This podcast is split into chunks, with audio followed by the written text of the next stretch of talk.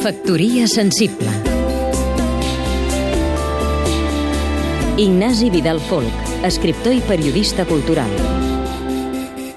La directora del Museu Picasso de París, Anne Baldassari, acaba de ser fulminantment acomiadada, entre altres motius, pels nous retards en la reapertura del museu, tancat per obres des de fa més de cinc anys sense que fins fa poc ningú a la premsa francesa digués ni assa ni bèstia.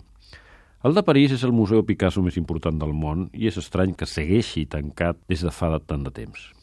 Sembla que Picasso ja no tingui massa importància per als artistes de les últimes generacions. Potser hi ha hagut un empatx, potser el seu camí s'hagi tornat intransitable.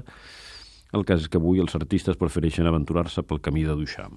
D'acord, però allò intolerable per les autoritats parisenques no ha estat només la guerra civil entre la directora i el seu personal, sinó la fabulosa suma de diners que deixaven d'ingressar per tenir el museu tancat durant tant de temps.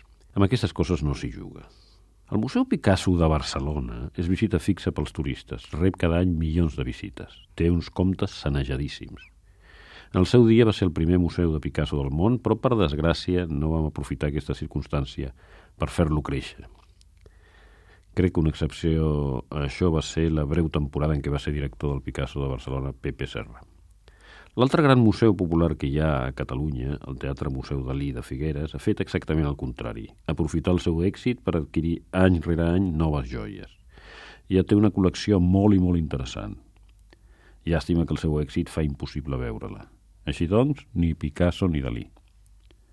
Encara sort que ens queda la Tàpies, allà no hi ha problemes d'aglomeracions. Factoria sensible